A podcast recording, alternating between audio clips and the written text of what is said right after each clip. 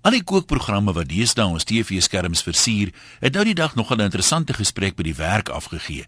Etenstyd kla iemand omdat hy basies elke middag dieselfde broodjie moet eet. Maar eintlik kan hy niemand blameer nie. Hy maak immer self die broodjie. Hy het egter nie genoeg pioniersdrang of inisiatief om iets heel nuuts te probeer nie, sê hy. Toe begin ons spekuleer oor hoe nuwe kookmetodes en resepte ontstaan het. Was dit iemand wat doelbewus probeer eksperimenteer het of eerder 'n ongeluk wat eetbaar uitgedraai het?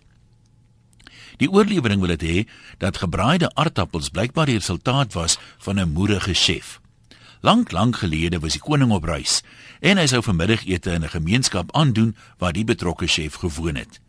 Hy het 'n uithaler ete voorberei, maar toe sy koning laat. Onthou nou hierdie was in Europa, né, nie in Afrika nie.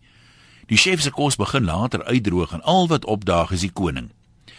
Na 'n paar uur besluit die temperamentele chef die koning gaan nie meer kom nie. En van kwaadheid oor al die verniet moeite, smyt hy sommer die aardappels wat hy gekoop het weg in 'n pot met warm olie wat daar eenkant op die vuur gestaan het. Skaars 'n minuut later blaas iemand egter op 'n trompet en skree: "The king is coming, the king is coming." Toe die chef nou 'n uitdaging voor hom wat enige meester chef se muur 'n bloeiende maagseer sal gee.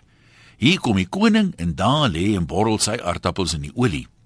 As net 1 minuut oor, dan word hierdie chef geëlimineer. As die koning voel die geure kom nie mooi by mekaar nie. Al wat die chef toe kon doen, is om noodgedwonge maar die aardappels uit die olie te skep en 'n bietjie te dreineer. Toe klim die koning uit sy koets en sy neus lei hom na hierdie warm bruin aardappels toe iets wat hy nog nooit gesien het nie. Die koning besef nie dis eintlik weggesmyte aardappels nie en hy proe aan die eindresultaat. Intussen staan die chef eenkant en skryf sy laaste wil en testament op 'n servet. Wonder bo wonder is die koning so beïndruk dat hy 'n hele string byvoeglike naamwoorde uitreig en die chef vra hoe hy op hierdie innoverende en unieke resep afgekom het. Dit moes maande se ontwikkeling geverg het, sê die koning.